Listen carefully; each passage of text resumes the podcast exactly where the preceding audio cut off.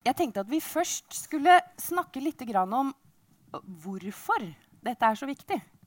Fordi teknologi er jo litt sånn, Vi snakker liksom å, det kommer så mye teknologi. Men, men hvorfor på akkurat dette feltet er det så avgjørende at vi lykkes med å ta i bruk den nye teknologien? Geir? Sett fra kommunens ståsted, som har et oppgave å gi best mulig tjenester til innbyggerne sine, og selvfølgelig eh, Eh, også de eldre, selvfølgelig, som, som, eh, som, eh, vi alltid er opptatt av skal få et så godt tilbud som mulig, så er teknologi en, en viktig tilleggsdimensjon i tillegg til alle de varme hendene som skal være ute og hjelpe folk. Eh, teknologi gir nye muligheter. Det, det, er et mål at eldre skal kunne bo hjemme lengre, trygt. Det vet vi at eldre eh, vil. Men for å kunne bo trygt så er det eh, veldig fint også å kunne bruke teknologi. Eh, ja, Du har med noen eksempler etterpå, men, men eh, sensorer for eksempel, som, som, kan registrere når mennesker faller, så man får hjelp raskt til å, komme opp igjen. Sensorer som registrerer om mennesker eh, ikke står opp om morgenen, men blir liggende utover, utover, formiddagen. Og kanskje da skyldes det eh, at man er syk eller et, et eller annet det, det, er viktig. Og så er det selvfølgelig et dilemma ofte med teknologi, og det er jo personvern og alt dette, men det må man jo passe på å, å finne en god balanse på. Men varme hender, flere varme hender, dyktige fagfolk, det er jo det aller viktigste. Eh, tjenesteinnovasjon sammen med teknologi tror vi vil eh, gjøre det tryggere og bedre å være innbygger i Oslo, og derfor er det viktig. Tusen takk. Eh, før vi går videre, så Katrine, du må, for, du må, fortelle om vennen din. Ja. Skal jeg fortelle? Ja. ja. Fordi dette er jo ny teknologi. Ja. Mange av dere har helt sikkert sett ham på TV. Eh, reklamefilmer. Eh, det ser ut som det er, eller det er Telia som reklamerer.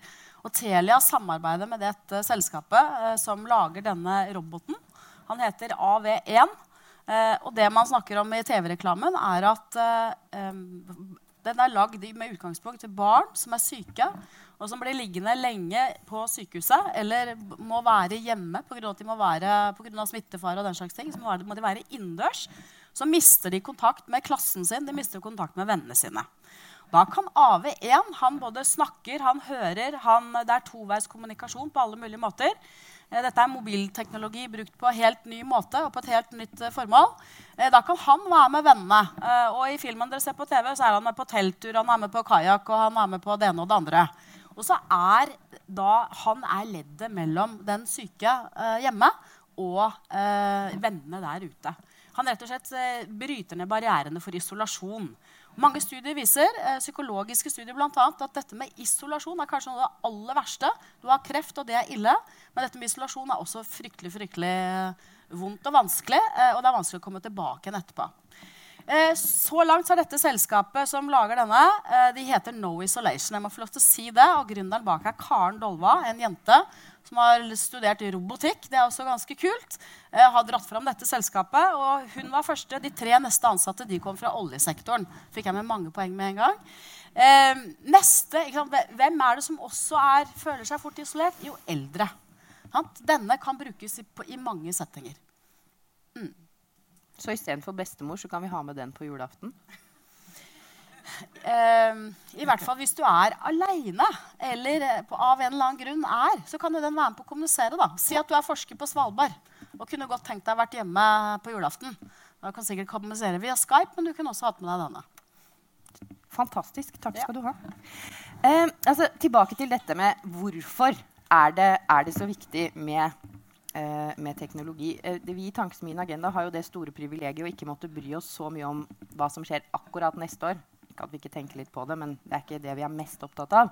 Vi ser ofte 5, 10, 20, 30 år fram i tid når vi jobber med temaer. Og eh, de beste utregningene vi har, de tilsier at hvis vi fortsetter å, å, gi helsetjenester sånn som nå, så vil én av tre måtte jobbe i helse og omsorg i 2060 for at vi skal ha samme omsorg for eh, særlig de mange nye eldre som kommer. Eh, og én av tre, det, det går vel ikke, Are?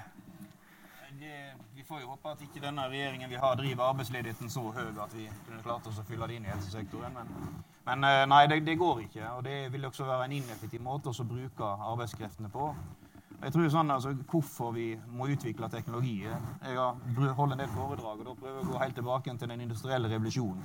Spinning Jenny, ny vevstol som vevde 30 ganger raskere enn en gjorde hjemme på gårdene tidligere. Og hvor samfunnet og strukturene endrer seg etter hvert som ny teknologi kommer. Og så kan dere stille dere spørsmålet hva betyr ordet industri?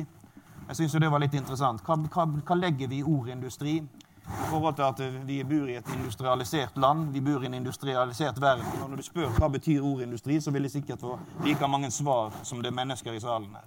Og For meg så er industri det, det er tilgang på ny teknologi. Eh, kom, kom, eh, sammen med ny kunnskap, eh, kapital, og, som, som, gir oss nye muligheter til å løse arbeidsoppgaver på en mer effektiv måte enn tidligere. Og så vil strukturene endre seg etter hvert som ny teknologi kommer. Det løpet må vi gå hele veien, for strukturendringene ligger der. Og ny teknologi det er altså den eneste måten vi kan gå inn i det på. Så det er mange ting rundt dette. Um, Ellen, du som jobber med, eller har ansvaret for, uh, eldre i Oslo i dag. Hvordan tenker du på framtida når du veit hvor mange flere som skal komme, hva slags ressurser man har? Ja, jeg tenker først og fremst at um, Jeg er litt lei at vi snakker om eldre som en gruppe som vi eh, skal ta vare på, som blir Mange kaller det for eldrebølgen. Men vi må heller se på de som en ressurs. For de har veldig mange ressurser. Eh, og så tenker jeg at når uh, min, Mitt samfunnsoppdrag er jo da å levere trygge og gode tjenester til den delen av befolkninga og andre deler. og da må vi som kommune som leverandører av tjenester ta i bruk ny teknologi. Ikke bare fordi um, det blir flere som skal ha tjenester, men også fordi uh, vi må lytte til hva ønsker de som skal ha tjenester. Og de ønsker jo å bo hjemme trygt så lenge som mulig. Uh, og så er jo det sånn at vi klarer ikke å utdanne nok uh, personer med den kompetansen som skal til for å gjøre det hvis vi skal ha samme nivå.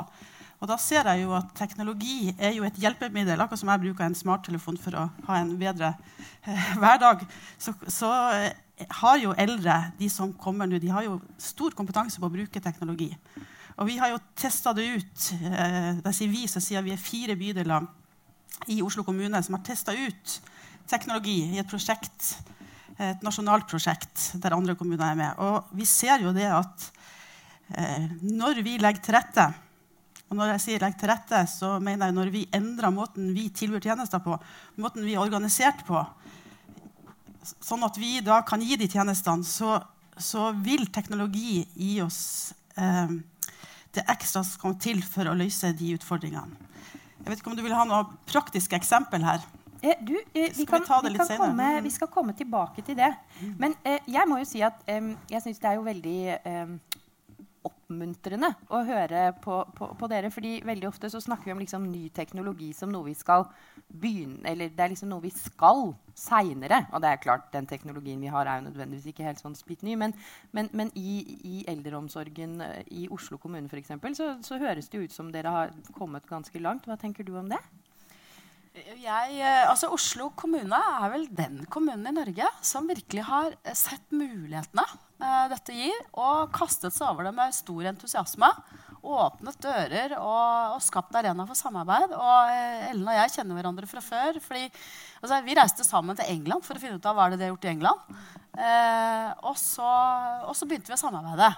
Og det, ja, det handler, om, det handler veldig mye om Det handler masse om politikk, det handler, men det handler veldig mye om enkeltpersoner og hvordan kommunene går inn i dette. Og så har vel Ellen kjent på at dette er jo ikke farlig. Dette er bare kjempebra. Og ikke bare får du kanskje gjort enda mer eh, eh, for eh, eldre og andre pasientgrupper i kommunen og i bydelene. Kanskje får du gjort det kanskje med høyere kvalitet noen ganger òg. Eh, for det muliggjør faktisk teknologi. Og jeg vet at eh, Det er gjort en studie i bl.a. Sankthanshaugen. Eh, Velferdsteknologisentrum heter den som ser på, den ser på de økonomiske parameterne her, men den ser også på kvaliteten på ting. Eh, og det er jo da sånn at hvis teknologien er stabil, så får du gjennom å bruke en pilledispenser så får du den pilla di, medisinen din, til det tidspunktet du skal.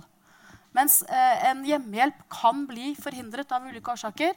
Eh, og så videre, og så, så Noen ganger så er til og med teknologi med på å sørge for enda mer stabilitet. Rutiner som gjør at helsa holder enda bedre og enda lenger. må jeg også si at det må regne ut medisiner Ikke at jeg har full tillit til folk, men eh, folk gjør jo oftere feil enn datamaskiner vel, når det gjelder sånne ting. Men eh, da, litt tilbake til eh, altså det, det konkrete her. Hva, hva, er det egentlig dere gjør når man tenker på ny teknologi? så går man liksom, Jeg tenker ofte på mange filmer som jeg har sett langt inn i framtiden. Det er veldig mørkt. Det regner mye. Folk er forelska i en robot. Eh, det er jo ikke helt der vi er. Nei, eh, Og så tror jeg det er viktig å ikke gjøre det for komplisert. Eh, for det vi har testa ut, det er jo den pilledispenseren som Katrine nevnte. Um, men det er en liten del av det. Jeg bruker å si at 20 er teknologi og 80 er organisasjonsutvikling. Måten du leverer tjenester på. Det er derfor jeg starta med å si at vi må faktisk også høre på hva ønsker de som skal gi tjenester til. Og de ønsker jo å kunne eh, bo hjemme. Og den pilledispenseren øker ikke bare kvaliteten på leveringa av eh, den medisinen eh, og trygg, mindre avvik på, på medisinleveransen. Men den gjør jo også at du kan sjøl eh, bestemme hva du skal gjøre i løpet av dagen. Du sitter ikke og venter på at det kommer noen og gir deg en, en, en pille. Du kan ta den med på tur. Du kan leve det sosiale livet. Eh, og det har vært viktig for oss. Så har vi da prøvd ut den teknologien eh, over flere år. Eh, men som sagt, det vi har brukt mest tid på, det er å utvikle organisasjonen sånn at vi er i stand til å ta det i bruk. For det er ikke bare å kjøpe inn en robot eller noe teknologi og så tenke at det skal revolusjonere eh, eldreomsorgen eller eh, andre omsorgstjenester. Du må faktisk bruke tid og midler på å eh, forberede organisasjonen. Og så må vi ikke glemme at dette er nye ting for ansatte. Så det å ha eh, god tid til opplæring, det å bruke god tid på å trygge ansatte og lære dem opp i eh, både terminologi også, og, da er det en annen ting som jeg er ganske opptatt av. Det er jo at eh, språk eh, er makt, og det skaper avstand. Eh, og det har jeg opplevd når jeg snakka med Dine, at de snakker et språk som ikke vi skjønner. Så det å eh, ha det samarbeidet med Oslo Medtech eh, og kunne avklare og eh, hjelpe dem også litt å snakke samme språket som oss, gjør jo at vi kan tørre mer og ha enda bedre kommunikasjon. For det må jeg jo si, vi har vært helt avhengig av å få den kunnskapen som ligger ute hos de her som jobber med det, må vi også få til de som jobber i kommunen. Og da må eh, de organisasjonene også snakke et språk som vi skjønner. Vi må også ha tilgang til den nye teknologien. Og da har jeg lyst til å si litt om eh, eh, noe som heter digitalt nattilsyn. Og når jeg snakker med folk om at vi skal ha tilsyn som er digitalt inn i en bolig til et menneske, så er det mange som reagerer. Um, men eh, tenk deg at det kommer noen inn om natta til deg når du ligger og sover. Lukk opp døra og skal se om du har det bra. De aller fleste vil da våkne. Og det forstyrrer nattesøvnen. Eh, vi har testa ut eh, digitalt tilsyn på folk med kognitiv svikt for å gi dem faktisk bedre eh, liv. Fordi de slipper å bli eh, forstyrra om natta. Det fungerer sånn at vi har et kamera, og de har gitt tillatelse til det her. Eh, som går inn og tar øyeblikksbilder. Vi kan ikke se personen, men vi kan se at de ligger. Og det er også innbygd sensorer som hvis de går ut og ikke kommer tilbake og legger seg, så går det en alarm. Eh, det tilsynet og den måten å, å, gi tjenester på, det fikk vi eh, kunnskap om gjennom å ha samarbeid med, med Oslo Medtech, der det var et firma som ønska å teste det ut. Så det samarbeidet med næringslivet, der vi som eh, kommune kan få tilgang til sånn teknologi, teste det ut og ta det i bruk, er utrolig verdifylt. Og vi ser jo at det gir eh, mye bedre tjenester. Og det frigjør også ressurser som vi kan bruke på andre som faktisk må ha personer som ser til dem eller besøker dem. Så eh, det syns jeg er et veldig godt eksempel på at teknologi kan gi bedre hverdag for, for innbyggere. Tusen takk. Um, altså, Geir, jeg lurer på Når du du jobber jo med politikken, du skal se langt fram, du jobber med svære budsjetter. Eh, når, når, du tenker på teknologi, hva, hva, tenker du at er mulig med, med, teknologi og helseteknologi de neste årene? Hva, hva kan vi få til? Uh, vet du hva, da tror jeg skal da tror jeg skal uh, si det at uh, heldigvis så er det ikke jeg som skal finne ut hva som er mulig, da tror jeg ikke mye hadde skjedd. rett og slett. Men, men, det jeg som politiker eller Oslo kommune kan gjøre, det er jo å bidra til å bringe eh, eh, de som kan mye om helse, eh, de som kan mye om teknologi, eh, de store bedriftene, de små gründerbedriftene eh, sammen for å, å, å utvikle disse tjenestene sammen. Og så må vi sette noen klare mål. Uh, og, og, målene som politikerne setter i Oslo, er jo at når det gjelder eldre, for eksempel, at de skal kunne bo trygt hjemme lenger hvis de ønsker det. Trygt er et stikkord. Hvis de ønsker det, er et stikkord. Og, og, og selvfølgelig at helsetjenesten alltid skal være på innbyggernes premisser, og, ikke på politikernes premisser eller næringslivets premisser. Så, så der, der, må vi være og sette noen rammer. Og så er det utrolig mye spennende som, som skjer i Oslo nå. Eh, Eh, innenfor både de store selskapene, de etablerte selskapene, men også, også gründerselskapene. Det å bli sosialentreprenør er jo blitt et sånn uh, valør. Eh, og, og, det er veldig mye utvikling. Bare på hvor lenge er det, 14 måneder jeg har vært byråd nå. Bare på de 14 månedene så har det jo skjedd mye. Og Oslo kommune Altså, Vårt budsjett det skal vi vedta i kveld. Eh, og det har gått veldig bra å vedta et budsjett i Oslo kommune. Så, det er uvanlig i en nasjonal kontekst. Vi skal vedta et budsjett på over 61 milliarder kroner. Og, og aller meste av de pengene, to tredjedeler vel, går til helse og sosiale tjenester. Og det er bra. Det skal det være. Men det betyr jo at det er et enormt eh innkjøp og tjenesteproduksjon i en kommune. Og, og det vi ønsker å gjøre, er jo å være flinkere til å samarbeide med næringslivet sammen med vår helse- og omsorgssektor for å utvikle nye eh, tjenester og nye produkter. Og det prøver vi så godt vi kan å støtte opp om eh, flotte eh, eh miljøer som da samler seg. Eh, vi eh, jobber med innovative anskaffelser. vi setter av 400 millioner kroner til å være med og altså Kommunen sammen med næringslivet utvikler nye produkter. Eh, og, og, det er utrolig spennende. Eh, som sagt, Hvis man setter noen rammer for dette, eh, det må være på innbyggernes premisser. Og Nå snakker vi mye om helse. Du nevnte skole.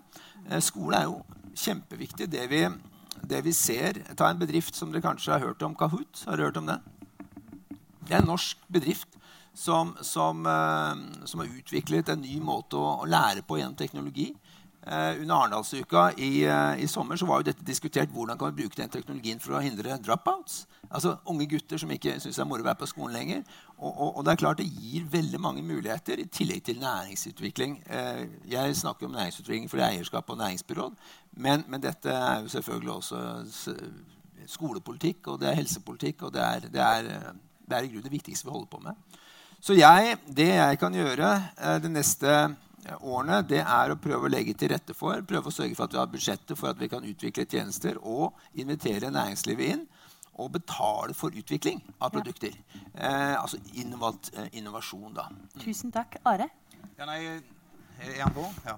ja. Eh, det, det, er noen sammenhenger som jeg synes er viktig. Sant? For det, hvor skal vi utvikle uh, ny, ny, teknologi, og hva skal til? Hva er, de, hva er de ytre rammevilkårene i forhold til å få det til? Og jeg har en uh, historie som jeg forteller. Det, det, jeg var hjemme i Odda jeg var, mens jeg var, var ordfører oppe i Sørum. Rådmannen sitter her nå også. Den gang, den gang rådmannen sitter også her i salen, så det er jo for så vidt der jeg kom på denne historien. Men, men i hvert fall også var jeg hjemme i Odda. Der traff jeg en gammel kamerat fra fagforeningen. Einar. Har, uh, vi satt oss opp på en fotballkamp med en knøttespiller, for å si det sånn. En av ungene til Einar. Og han uh, har satsa i to omganger, ikke på fotball, men på, på barn. for å si det sånn, har sju unger. Og så Einar, Einar altså stor i kjeften og stor knyttneve og drog til når vi satt der og så på denne fotballkampen. Så Are, når du driver så sveiver rundt inn i Oslo og greier og alt det der, og rekesmørbrød og karbonadesmørbrød og alt sammen, og sånt, må du faen ikke glemme hvor du kom ifra. Du er industriarbeider, og det er vi i industrien det er vi som bærer hele offentlig sektor på skuldrene. Sier. Så tenkte jeg, nå skal jeg teste han ut litt. Så sier jeg, ja, Sju unger. Du dreiv egen fødestue, du, da? Ja, det hadde han jo ikke gjort. Nei. Men barneskole, det jo grunnskolen du, var du som sto bak eh, kateter og lærte elevene å lese, skrive og regne med. Nei, det var jo for så vidt ikke det. Og ikke barnehager den drev heller, kom det fram. sant? Og du kom inn og Kona di brakk foten for tre år siden. Du, du gipsa hjemme på kjøkkenbenken. du da? Nei, det hadde han heller ikke gjort. Det var jo sykehuset. sant? Det var jo bare gode ord om det. Så dro vi videre. sant? Foreldrene var omsorgstrengende. og ja vel, så du, hadde de, du, du fulgte opp det, men jeg skjønner ikke, vi sto jo en del overtid på bedriftene den tida. Så måtte du innrømme det at det var god omsorgstjeneste i kommunen. Altså Det som er poenget, sant? Sykehjemmene også tar seg av foreldrene. De, de er døde nå. Men, men, det som er poenget, det er jo at hvis ikke du har en sterk offentlig sektor som, som du, gjør at du er trygg på at eh, de nærmeste, barna dine, får en god utdannelse, får en god oppdragelse, hvis ikke du er trygg på at de nærmeste, de du er mest glad i, får den behandlingen de skal ha når de er syke, dine eldre, dine, dine, de du har ansvar for når de blir gamle, får den omsorgen og den, den, sykehjelpen de trenger når de er i den livsfasen de trenger det, så vil ikke du kunne evne å man, altså, mobilisere den energien, den tankekraften du trenger inn i f.eks. Medtech, andre som skal utvikle den nye teknologien. Så vi er helt avhengig av en sterk offentlig sektor for å få det til. På samme måte som vi er helt avhengig av at dere lykkes. For Hvis ikke dere lykkes med å utvikle verdensledende teknologi som det er behov for, som kan gjøre at vi løser oppgavene i offentlig sektor på en god måte, løser eh, utfordringer i privat sektor, handel, service, alle de tingene vi har behov for i hverdagen på en god måte, så vil ikke vi heller klare å finansiere en sterk offentlig sektor. Og det er den gjensidige avhengigheten den må vi ikke glemme å ha med oss inn når vi bygger rammeverket for hvordan vi skal utvikle ny, ny teknologi og nye næringer framover.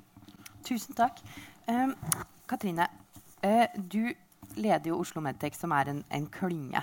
Eh, og dere altså, Det som alle egentlig snakker om her, det er jo det, det er pretty much det dere driver med. Dere liksom får til møtene, utviklingen. Um, du har jo hatt denne jobben en stund, egentlig. Hvordan syns du det går? Eh, det er helt riktig. Eh, klyngen Oslo Medtech vi ble etablert november 2009. Eh, da var det 30 aktører i klynga, og nå er det ca. 200 aktører. Og det er både sykehus og kommuner, masse bedrifter. Både små startup-selskaper, mellomstore. Stort sett norske er jo startupene, og de mellomstore også. Så har vi både norske og store internasjonale aktører med i klynga. Um, investorene er med, inkubatoren er med osv. Hele det økosystemet som skal til for å både sette fokus på hva er utfordringene vi skal adressere, for det er superviktig. Og hvem er det som kjenner utfordringene best? Jo, det er, det er kommunen, det er pasienten selv, det er brukerforeningene. Kreftforeningen er f.eks. også medlem i Oslo Medtech. Det å lytte til hva er behovene. Og med det som utgangspunkt faktisk Eh, det, det, er veldig fint med teknologidrevet innovasjon. Jeg har sett utrolig mange ting som kommer ut av Universitetet i Oslo for eksempel, som er, som er fundert på veldig bra forskning. Og så lurer man på men hva skal man bruke dette fantastiske forskningsresultatet til. Eh, så behovet er viktig. Og behovet i denne sammenhengen hvis vi skal snakke litt næringstermer, så er jo eh, i Norge så har vi et offentlig helsevesen. Eh, og i så måte så blir også kommuner og sykehus og sykehjem de blir også kunder i denne sammenhengen. Du spurte hvordan det gikk. Eh, det går veldig bra eh, mens vi har holdt på med dette. Vi startet ut med med medisinsk teknologi, type ting som du bruker på en operasjonsstue. Og så eh, kommer eh, hele e, altså e-helse, alt det du har behov for av systemer for at teknologien skal snakke sammen eh, inne på et sykehus for eksempel, eller, og i kommunen for den saks skyld. Så kommer Samhandlingsreformen, Hagen-utvalget. Eh, man ser at man er nødt til å løse helseutfordringene på nye måter. Og parallelt med det som kommer denne teknologibølgen. Alt det har skjedd mens vi har holdt på å bygge opp. Så vi har, vi, har, vi, har, måttet prøve å løpe foran og, og, og løpe bak og, og, prøve å skjønne hvordan skal vi sette sammen alt dette. da? Men hele tiden med fokus på hva er behovet? Hva er behovet hos brukeren? Hva er behovet hos kommunene? Hva er, kommunene? Hva er behovet hos sykehusene? faktisk? Jeg har lyst til å trekke inn ett ord som ikke har vært brukt før, eller som ingen har nevnt. og det er Vi er opptatt av å levere et altså, fortsette å levere gode helsetjenester. Og skal vi klare det, og levere dette på et, en bærekraftig måte, så må vi ta i bruk teknologi og jobbe på nye måter.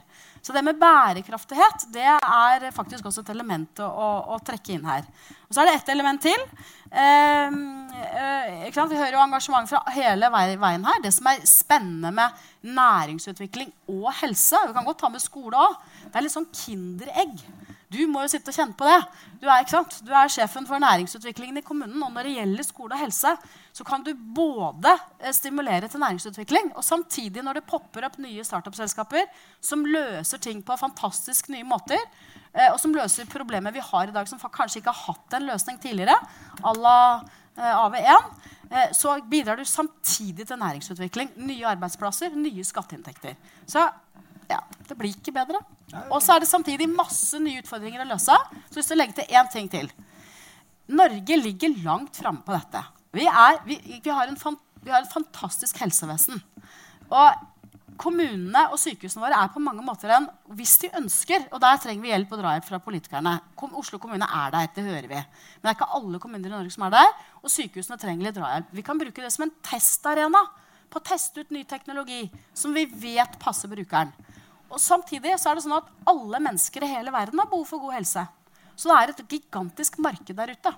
Vi vet at oljenæringa må nå effektivisere. Mange blir arbeidsledige i den næringen.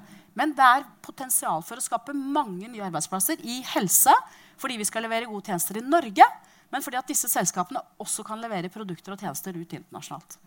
Det er et, eh, en tilleggsdimensjon som er superbra. Tusen takk. Um, jeg vil egentlig fortsette litt på det der. Ja. Eh, altså, fordi i Norge så, så er jo eh, Dette er jo veldig gode ting vi hører her. Men det, det, er ikke veldig, veldig mange arbeidsplasser i Norge i, i helseteknologi enda. Er det ikke sånn at det er litt sånn Det er litt, men ikke så mye. Eh, hva, slags, hva slags vekstmuligheter ser dere i den sektoren? Og hva Jeg er veldig store vekstmuligheter. Og eh, det som er, syns jeg, da, eh, så utrolig spennende i Norge eh, Og det er kanskje nytt å, å, å, si, men jeg tror mange har forstått det i mange år. Det er jo at nettopp fordi vi har en så sterk offentlig styring av store systemer som helse og skole, så, så gjør det at man kan i stor skala, selv i et lite land, være med og innovere innenfor teknologi. Eh, det er ikke så mange private sykehus, heldigvis. Det er et stort offentlig eh, kommunalt system. Og ta Oslo som et eksempel. Da. Vi kan bruke mye ressurser fordi vi har store systemer, selv om vi er en liten by i verdenssammenheng. Så det at vi har satset på offentlig skole, offentlig eh, helsevesen, gjør også at vi har et unikt redskap. Og da må det offentlige bli flinkere til å være med å utvikle produkter og utvikle tjenester sammen med næringslivet. Og det prøver jo. Det er det vi forsøker nå i stor, stor grad. Både direkte samarbeid på mange måter. Altså Oslo kommune nå Jeg må jo si at jeg er jo helt ny, har jo ingen ære for dette her. Men altså, jeg er så stolt av denne kommunen vår. Eh, den er så fremoverlent. Eh, eh, Oslo kommune driver nå på med hackathons, hvor vi, hvor, vi, åpner opp informasjon. Nå er jeg ikke på helsesiden, men, men der gjør vi det også. Men ta f.eks. På, på dette med å bli mer klimavennlig hvor, hvor Ruter legger all informasjon om hvordan folk beveger seg i denne byen. Og så sier man hvordan kan næringslivet hjelpe oss til å bli mer smarte når det gjelder mobilitet. Og så kommer massevis av, av, spennende bedrifter, store og små, og hjelper til. Og, og man begynner å snakke om førerløse biler osv. Jeg skulle ikke forundre meg at Oslo blir noe av det første og fremste på den type teknologi. Fordi man har et, ja, fordi man har et stort offentlig system som driver transporttjenestene i byen vår. Så det offentlige hvis vi bare blir flinkere til å, å, å, å, fortelle hva vi vil ha av tjenester, betale for eh, innovasjon sammen med næringslivet, så er det også et enormt potensial for, for nye arbeidsplasser og næringsutvikling. Tøyen Startup. Eh, jeg tusla rundt på Tøyen for et år siden. Det var helt tomt, to store bygg. og jeg tenkte i all verden, dette her er pinlig. Jeg hadde med presse og greier og skulle snakke om at det var eh, en, en ny sånn ja, Tøyen Startup Village. Her, her tenkte jeg her kommer ikke mye folk. Eh, det var trist der borte. Eh, det er ikke trist på Tøyen, altså, men akkurat de tomme byggene var trist. Det er gamle skatteetaten, så det er litt ja, ikke sant? trist, faktisk. Men nå er det over 200 mennesker der. Ja. Sitter, og det, det, det, Hver eneste dag så kommer det nye bedrifter inn i Tøyen Startup Village hvor man har fokus på sosialt entreprenørskap og i ganske, eh, ganske høy kvalitet. altså. Så, så jeg tror at uh, vi har en høyt utdannet befolkning, vi har en stor offentlig sektor som må bli flinkere og er flinkere nå til å fortelle næringslivet hva vi vil, og være med å betale for utvikling. Og vi har et fantastisk næringsliv, og vi har masse ingeniører nå som tenker å gjøre noe annet. Alt ligger til rette for at, eh, at, eh, at dette skal gå bra. Ellen, og, og så er det Katrine. Eh, en ting vi ikke har snakka om, det er jo de ansatte og hvordan få de ansatte til å få enda mer kunnskap om denne teknologien. Og det jeg ser som har vært veldig bra, det er det samarbeidet vi har hatt med høyskolene. Fordi um, vi må sørge for sier vi, vi må sørge for å påvirke høyskolene sånn at de tar det her inn i sin utdannelse. Eh, for vi trenger eh, ergoterapeuter, vi trenger fysioterapeuter, vi trenger sykepleiere som kan språket. Jeg snakker mye om språket. Som kan det her, som skjønner hva vi snakker om, som ikke føler seg fremmedgjort og som føler det som en trussel. For faktisk så vil det øke deres kompetanse, og de vil kunne gjøre en enda bedre jobb med å ha den kunnskapen. Og så må vi også tenke nytt når vi skal rekruttere og ansette. og det har jeg snakka mye om i egen bydel og i min forrige jobb, at vi må tenke at vi kanskje trenger folk med annen kompetanse inn i eh, hjemmetjenesten. Vi må kanskje ha inn ingeniører. Vi må ha inn folk som kan mer om IT, fordi vi skal ha et godt samarbeid med eh, private leverandører. Vi har et behov, og vi skal uttrykke det behovet sånn at de kan utvikle teknologi som vi skal bruke. For det er også noe av det spennende vi gjør. Vi, vi har et behov, og så er vi ofte veldig snare å se at vi har en løsning. Kan vi ikke få en app? Men det er kanskje ikke det vi trenger. Um, så en av de beste eksemplene er jo det jeg tror det er Oslo universitetssykehus og, som uh, så på kreftbehandling. Og uh, det er innovasjon. Uh, de hadde altfor lang ventetid, altfor lange opphold mellom i behandlinga så fikk de et mye tettere forløp. Og da var det ikke teknologi som var svaret. Det var eh, et telefonnummer som de kunne ringe inn for å vite hvordan, eh, hvor langt de var kommet til behandlinga, når de kunne få operasjon. Men, men det viser bare at eh, vi må tørre å tenke nytt, og vi må tørre å ta inn i eh, kommunen også folk som kan tjenestedesign, som er gode på eh, innovative prosesser, som kan hjelpe oss med de her anskaffene som du snakka om, Geir. fordi vi har et eh, ganske eh, rigid system når vi skal gjøre innkjøp. Eh, nå er det jo letta litt på, men, men vi skal trå forsiktig og ikke gjøre feil der. Og da trenger vi folk som har den kompetansen. Og det mangler vi ofte nå i, i kommunen. Vi er gode på helse og omsorg. Og det skal vi fortsatt være, for det er vår hovedkompetanse. Men vi må også skaffe oss den kompetansen som gjør at vi kan utnytte den uh, avataren, som jeg kaller det for, som sitter der uh, i, kanskje i eldreomsorgen. Uh, eller andre områder, så trenger vi nye krefter. Og vi trenger å ha med oss utdanningsinstitusjonene og nye, nye yrkesgrupper i. En kjapp replikk til Are. Ja, nei, det, det, er kort, for jeg, jeg, er jo enig i at vi skal bygge kompetanse, men, men ikke glem eh, fagarbeideren oppi det hele. For det, det, er en grunnmur i dette. Og, og du kan si Det som er, jeg tror er, er mulighetsrommet vårt, det er at vi at vi har eh, alle nivåene, alle kompetansenivåene og alle utøvende nivåene, at de snakker sammen, og at det er en felles forståelse for utfordringen og behovet for å ta i bruk ny teknologi. Det er det som gjør at vi, vi kan lykkes. Så, så, ikke glem fagarbeideren. Den, den er viktig. Katrine? Du spurte om eh, vekst og antall arbeidsplasser. Eh, denne næringen, og da snakker vi om næringslivet eh, som en del av næringen Kommunene og sykehuset er også en del av totale næringen her. Men hvis vi ser på næringslivet, hadde faktisk en vekst på 11% i 2015. Hvilken annen næring kan skilte med det? Og vi er bare i startgropa. Så jeg har bare lyst til å si at i forhold til antall arbeidsplasser osv. Uh, det kommer bare mer og mer. Uh, 400 millioner kroner til helse. Statsbudsjettet. Knallende bra. Og så sier du hackathon. Og lurer jeg på, Vet alle hva en hackathon er? Ja, kommunebudsjettet. sant? Men det jeg syns vi skal gjøre her og nå På statsbudsjettet så, så, prioriterte de kontantstøtte. Men uh, ja. eh, det skal jeg ikke kommentere. Det skal du slippe. Nei, jeg skal ikke det. Uh, eh, la oss lage en uh, Service Jam hackathon. Ikke bare én, men la oss lage det som et slags program. Sant? Deres behov, eller, og, og brukernes behov i sentrum. Vi gjorde tilsvarende sammen med Altinn og Accenture under Oslo Innovation Week. Og I løpet av 25 timer så kom det opp syv nye prosjekter. Og ett av prosjektene klarte til med å lage en prototyp i løpet av de 25 timene. Som er forankret i reelle behov. Jeg er veldig opptatt av de behovene. Det er behovene til brukerne og det er behovene til eh, kommunen og sykehuset i og for seg. Det må være utgangspunktet og sentrum. Eh, sånn at dere vet at det løser reelle problemer.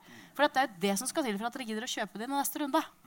Og så har jeg ett poeng til. Eh, og det er et helt nytt moment som vil kunne skape masse nye arbeidsplasser i Norge.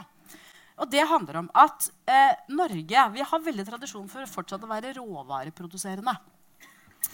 Et, eh, vi har en bedrift i Oslo Medtech som faktisk er det samme fra en hjertekirurg, riktignok i Bergen, men selskapet er eh, også registrert i Oslo. De lager en ny hjertepumpe. Og dette er sånn, Hvis dette funker, sånn som alt prototyper og alt typer eh, tyder på nå, så har vi et gigantisk potensial for et selskap hvis de klarer å gjøre det de skal. Hjertepumpe, er det liksom et nytt hjerte? Nei, det er ikke et nytt hjerte, men det gjør at hjertet pumper bedre eh, enn det det gjør. Og hvis ikke du får fiksa på det hjertet, så vil pasienten dø mye raskere. Ja. Poenget er han godeste Vegard Tuen, som gründeren heter, han lette etter hvem kan produsere denne enheten. Vi sendte han til Minneapolis, for der vet vi at der er det masse kompetanse. For der er de store hjerteprodusenter, hjerteklaffer og den type ting. Kom han til Norge, tilbake til Norge, og så fant han et selskap som heter eh, Lerøy, som ligger utafor ikke syltetøy. De produserer, har normalt produsert for olje og gass og våpenindustrien i Norge. Han hadde en maskin som han kunne bruke til å lage denne hjertepumpa. Deler av den hjertepumpa. Men så er hele poenget. Han kan bare lage den første delen av den. Resten må Vegard i dag gjøre ute internasjonalt. Hvis Kjell Lerøy får tak i jeg tror det er fem millioner han trenger, for å kjøpe den andre maskinen han trenger, så kan han gjøre mye større del, hele delen av den arbeidet som må gjøres for å produsere denne pumpa i Norge. Poenget mitt er, Vi er veldig gode på å gjøre deler av verdiskapen i Norge. Produksjonen putter vi gjerne ut til Kina eller rundt omkring. Så det er egentlig den nye store satsingen som vi kommer til å dra opp nå i 2017. det er å la oss sørge for, og Vi har en underleverandørindustri nå i olje- og gassnæringen som, er, som kan, skjønner hva kompetanse, det å utvikle eh, kompliserte løsninger er. La oss sørge for at de lærer seg helse, sånn at de kan prøve, nei, ikke prøve, begynne å produsere for helsenæringen. Det vil gi masse arbeidsplasser i Norge. Tusen takk. Are? Ja, vi elsker jo at det kommer flere arbeidsplasser, så vi, vi, vi er med på laget. Ja, alle liker det. Men det, det, som, det, er et annet eksempel er at for, for en del år siden, når uh, svineinfluensaen begynte å bre seg bort i Mexico, så var det jo litt sånn dommedagsprofetier i Europa at svartedauden var på vei. og det var to anlegg som, som produserer denne, denne, vaksinen som, som eh, helbreder, eller som motvirker eh. Det ene anlegget lå i England, og det andre lå i Belgia. Eller de ligger der fremdeles. Det som, det som skjedde var at det oppstod en diskusjon i Underhuset i England. Eh, kontra, altså Svineinfluensa på vei. Og den Diskusjonen gikk på det at hvis, hvis, engelske innbyggere ikke er blitt vaksinert, skal vi da akseptere at denne vaksinen blir sendt ut på de leveringsforpliktelsene som dette anlegget denne, denne eh, leverandøren har, til andre land? Og Engelske politikere er som politikere i alle andre land. De vet hvem som velger seg. Det er engelske innbyggere. Ergo de hadde stengt grensa. Det var i hvert fall det som ble sånn resymé for den debatten. Det gjorde at Vi, vi satt i gjeng med, med en Halstein Husebyen, og så Sigurd Grytten var den gangen Børsen Marsteller. og Vi satte i gang et prosjekt sammen med Karita Bekkemedlem i, LMI for å se liksom på dette med vaksineproduksjon i Norge. For det er oppløst og vedtatt at vi er for små, og vi har ikke miljøene og alt det der. Det vi fant da, det var et anlegg oppe på Overhalla så viser det seg at vi i Norge vi er jo en vanvittig stor vaksineprodusent. Og ikke bare det, men vi produserer på den teknologien som sannsynligvis menneskevaksiner kommer til å bli produsert på i framtida. For det at, eh, dette er fiske, altså oppdrettsnæringen. og Den gangen var det 380 millioner doser. Nå tror jeg de har passert 500 millioner doser. På en teknologiplattform som sannsynligvis kommer til å avløse den eggbaserte produksjonen av, av menneskevaksiner som er i dag. Og dette utnytter Vi ikke. Vi går ikke inn i dette, her, for det er jo store internasjonale selskap som har investert, og som ligger på sine strukturer og vokter det. Men det er noen rom som kanskje noen skulle gått inn i og utfordra. Og det tror jeg det, det denne historien beviser. er jo at hvis, hvis, du bryter ned siloene og får fagmiljøene denne, i denne sammenheng fra, fra oppdrettsnæringen og ifra, ifra men, si, den ordinære legemiddelindustrien til å snakke sammen, så, så, dukker det kanskje opp en del muligheter. Og jeg tenker Disse siloene må vi også ta ned. Det må være en del av det arbeidet vi gjør for å få, få til disse nye innovasjonene og utviklingsmulighetene. Altså, Dere er så positive folk, og det er topp. Men nå skal vi bruke noen små minutter eh, på hva er det som stopper? Hva er det som gjør at dette ikke alltid går så bra. Og så eh, lurer jeg på, eh, fordi nå har vi jo snakka mye om Oslo. Og eh, eh, jeg er jo fra Oslo, så jeg liker det, men jeg jobber også i Agenda, og der er vi veldig opptatt av hva som skjer i hele resten av landet. Og Oslo er stort.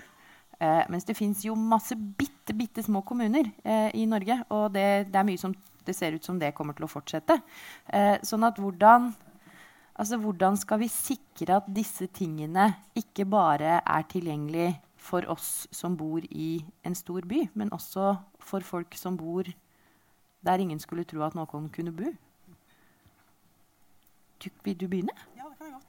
Um, jeg må jo bruke den erfaringen jeg har, fordi I Oslo så er vi jo fire bydeler som har testa ut bruk av teknologi. Um, og vi skal nå spre det til alle 15 bydelene. Og det blir jo litt som hvis vi skal spre det til alle kommunene. Um, og da tenker jeg at hvis vi skal få det til, så må vi ha finansieringa. Det er så kjedelig at vi må snakke om penger. Vi må ha finansiering sånn at vi kan kjøpe tid og rom til å utvikle organisasjonen. Og så må vi det jeg nevnte tidligere, vi må ha god kommunikasjon med næringslivet. Og vi må tørre å satse og prøve eh, eh, ut teknologien. Og så når vi skal gå til implementeringa, så må vi også ha nasjonale standarder som gjør at vi, har, vi, bruker den, den uh, medisindispenseren. Men vi er helt av, avhengig av at vi kan levere den inn på apoteket, eller en, eller annen, sånn at apoteket kan fylle den med medisin. Uh, sånn at det skal være en effektiv måte og en trygg måte å få det levert på. Og så må vi ha samarbeid med sykehuset og fastlegene. For dette er en kjede. Vi er liksom ikke isolert. Og for å få det her til så må vi også ha, eh, kunne snakke snakke med de programmene som vi bruker i helsevesenet. Og det er en nasjonal satsing. Så vi er avhengig, hvis vi skal snakke om Norge og Oslo kommune, vi, vi kommunene er avhengig av å ha en overbygging eller underbygging som gjør at vi faktisk kan ta i bruk den teknologien og komme fra teststadiet og prosjektstadiet ut i ordinær drift. Og da kommer vi til å få trygge, gode tjenester av like god kvalitet som vi har i dag, og kanskje høyere kvalitet. Eh, skal vi se, eh, da, eh, jeg tror vi bare fortsetter bortover med deg, Geir. Men jeg vil også at du skal svare spesielt på en ting. fordi i Norge så er vi nemlig vi er sånn utrolig gode på pilotprosjekt. Vi har skikkelig masse pilotprosjekt. Og det har vi i skolen ved frafall, og det har vi i bydeler på omsorg og sånn. Og så har vi pilotprosjekt, og så er vi ferdig med den flyturen. Ja. Hvordan, og så sprer det seg ikke. Hvordan jobber skal, jobber man med det? Og her hører jeg jo at dere er på gang med et eller annet. Men, ja da.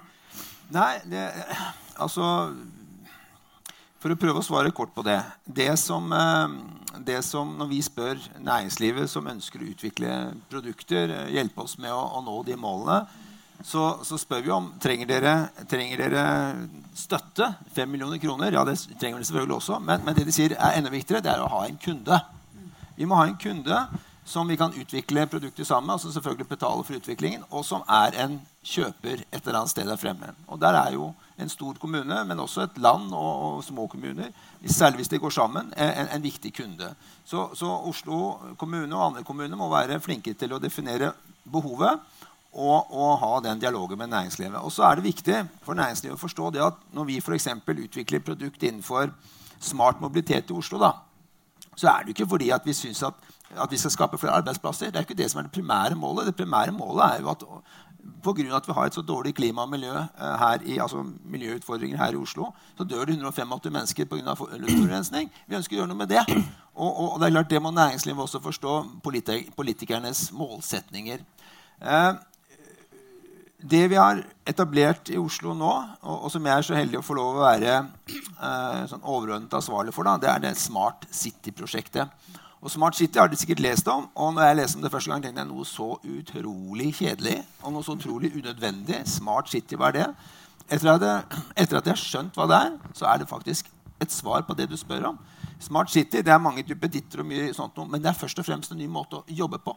Ny måte å samhandle på, En helt ny metode hvor forskning, hvor, hvor universitetene, hvor sykehusene, hvor, eh, hvor næringslivet, hvor inkubatorene, hvor kommunen kommer sammen og definerer mål definerer eh, behov, definerer muligheter, og selvfølgelig også kommer inn med penger eh, og, bygger opp den kompetansen og bygger opp de produktene som man trenger for å nå eh, eh målet om en bedre, en bedre tjeneste til innbyggerne. Og, og, den Smart City-måten å tenke på, det, den, den, er faktisk veldig smart. Lett og slett. Og den vil føre til mye av det som vi her har snakket om. Ja, jeg vil koble det på helse på Smart City. Ja, definitivt. Vi, ja, veldig, veldig gjerne. Eh, du spurte hva er problemet ikke bare i Oslo. Altså, Oslo er jo i ferd med å løse masse av disse utfordringene. Oslo er opptatt av å bruke denne prosessen og modellen som heter innovative innkjøp. Oslo er veldig godt klar over at det kommer nye innkjøpsregler 1.1. som muliggjør eh, å gjøre ting på en annen måte og mye mer effektivt. Men alle de andre, det er 426 kommuner i Norge i dag. Eh, veldig mange av de er små kommuner med mindre enn 5000 innbyggere de har verken kompetansen eller ressursene til å gjøre dette. Så jeg tror at bare for å svare litt sånn, Hva bør Norge tenke på? Jo, Vi er nødt til å samle oss. faktisk. Vi er nødt til å hjelpe kommunene å finne, finne hverandre. Samle seg i regioner, rett og slett, tror jeg er veldig lurt.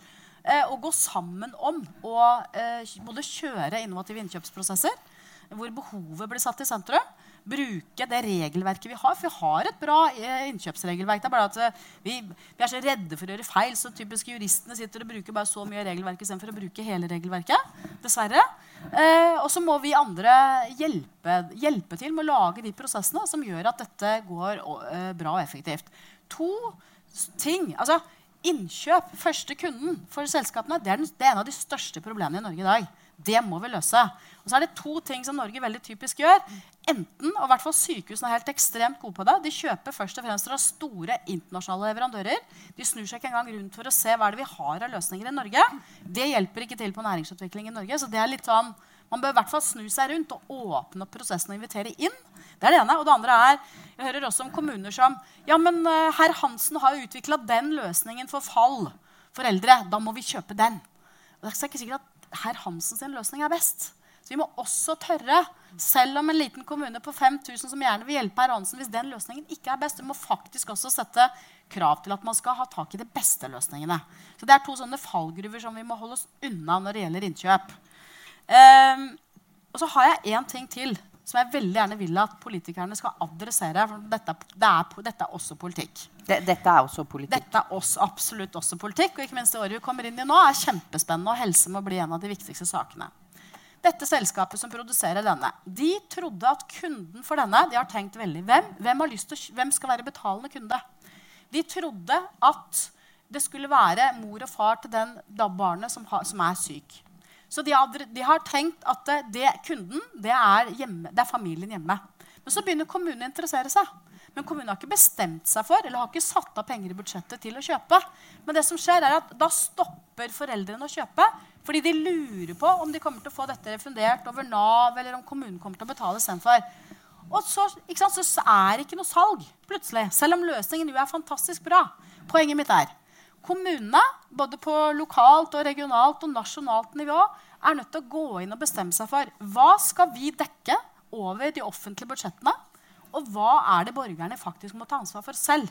Det er en veldig viktig problemstilling som jeg håper vi om ikke sikkert vi løser i dag, men i hvert fall at man løser det i løpet av valgperioden. Tusen takk. Are? Nei, altså i, i, forhold til det med kommunene Det kan hende jeg banner litt i kirka, så, men har jeg erfaringer fra to kommuner og til sammen fire fire kommunestyreperioder og en fylkestingsperiode. Og jeg jeg advarer litt i forhold til det du, det du, sier. Jeg skjønner tankegangen. Men jeg, leda en kort periode rom, Nedre Romerike samarbeidsråd. og for å si Det sånn, det å få kommunene til å samarbeide, gå inn og forplikte seg økonomisk, der er ikke det is og brus. for å si det sånn. Der er det mye. Der, der kreves. Jeg, jeg, jeg har mer tro på lokomotivmodellen. At Oslo, Bergen, Tromsø Eh, Trondheim, Stavanger, altså de store byene, der du har volum, at de går foran, tar det ansvaret som de store, og så at en setter standarder og gjør kanskje veien litt lettere i forhold til de mindre. Men selvfølgelig også, vi kan jo utfordre en kommune som Modalen Eifjord, som sitter med enorme kraftinntekter, få innbyggere, har muskler og potensial. Men, men, jeg tror, tror tenk litt annerledes i forhold til den. For jeg tror ikke du skal bygge opp det hierarkiet og den, den strukturen. For da går du deg inn i noe som gjør at du egentlig bare blir stående og stange og kommer deg ikke videre. Det, det, er i hvert fall min oppfatning etter å ha sittet med regionsamarbeid i en lang Tusen takk. Eh, jeg, skal, jeg, skal, slutte med et, et siste spørsmål til deg. Eh, fordi når vi snakker om roboter og teknologi i helse og omsorg, så, så, er det liksom Vi har jo i mange år snakket om de varme hendene. Og at det er så viktig, og du trekker det fram også sånn i dag. Er det, er det, er det en utfordring at vi gjennom det som, som skjer nå, på en måte umenneskeliggjør helse og omsorg? Eller altså at, at liksom skal gamle sitte der og bare ha en robotsel og en sånn pilledispenser? Er det liksom dit vi er på vei? Du, du, peker på noe som er veldig viktig, fordi jeg tror vi har en stor jobb å gjøre som ledere i offentlig virksomhet. Å kommunisere ut at det jeg sa litt innledningsvis, at eh, teknologien er jo bare et hjelpemiddel. Eh, og jeg snakka om den, den, den Nattilsynet, og der brukte vi veldig lang tid da vi lagde den boligen, på å trygge eh, ikke minst de pårørende, til de som skulle bo i den boligen, på at det her var eh, et hjelpemiddel som gjorde at de fikk et bedre liv. Eh, og vi hadde eh, da eh, elleve leiligheter som de skulle bo i, et, et samlokaliserte boliger. Eh, åtte av dem brukte vi lang tid på forhånd til å trygge. Og det gikk helt fint. De var skeptiske til å begynne med, men vi hadde god informasjon, vi hadde involvering. Så fikk vi to nye beboere som vi ikke brukte den tida på. Og det gikk ikke så bra. Fordi vi hadde ikke vært gode nok i kommunikasjon. Vi hadde ikke eh, involvert dem sånn at de var med på å, i den prosessen som det er å ta i bruk sånn teknologi. For hvis noen hadde sagt til meg for ti år siden ja, mormor skal eh, få elektronisk tilsyn om natta, så har jeg sagt ikke snakk om. Hun skal ha besøk av et menneske. Men, men hvis du tar deg tid til å forklare hva det her er og, og, det har jo vi gjort i de prosjektene vi fire bydelene. Vi har vært på Eldrerådet, Rådet for funksjonshemmede. Vi har brukt ekstremt mye tid på å trygge og gi informasjon. For det er jo det som Lippestad Bo trygt hjemme så lenge du ønsker det, og så lenge det er mulig. Og da må du kommunisere det her på en måte så folk forstår det, hva det er. Mm. Jeg vil også at du skal svare på en ting, fordi vi vi har juksa litt. Vi har snakka sammen på forhånd. Eh, eh, og da eh, nevnte du også eh, det med at at det er på en måte lett å sitte på utsiden. At, at jeg som, som, mor eller som datter til noen som trenger hjelp, tenker sånn Nei, nei, det skal ikke være maskin. Her skal det være omsorg og sånn. Mens at, at, de som dette faktisk gjelder, kanskje er litt mer klare for teknologi enn, enn vi skulle tro.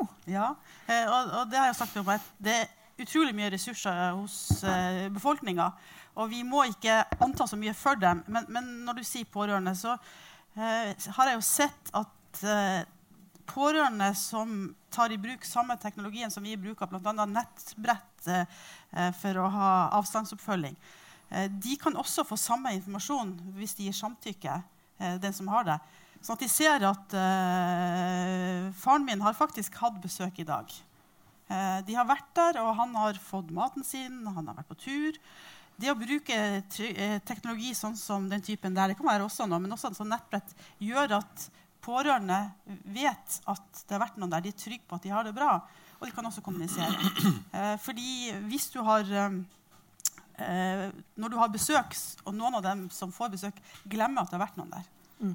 Men når du da har en form for teknologi som, som registrerer det, så det er jo ikke erstatning for de ansatte, men det er et hjelpemiddel. Det må jeg si igjen. Mm. Det er et hjelpemiddel akkurat som jeg bruker en uh, smarttelefon eller en iPad.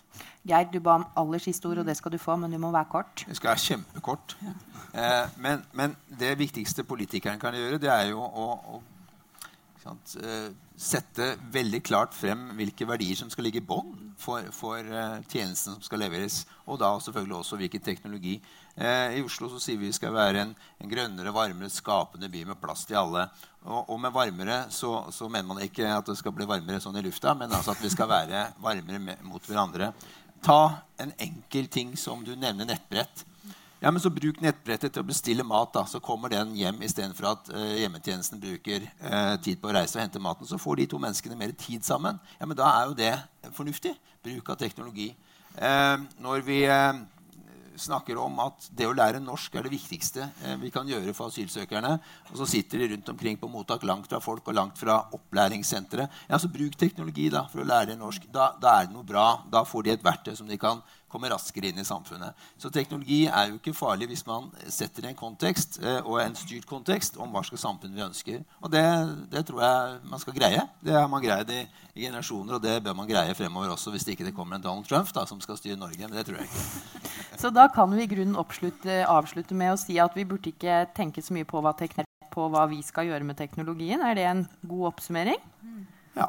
Tusen takk skal dere ha for at dere kom. Tusen takk til dere for at dere var her i dag. Eh, gi dem gjerne en god applaus. så håper jeg dere får en eh, fin dag videre. Wow!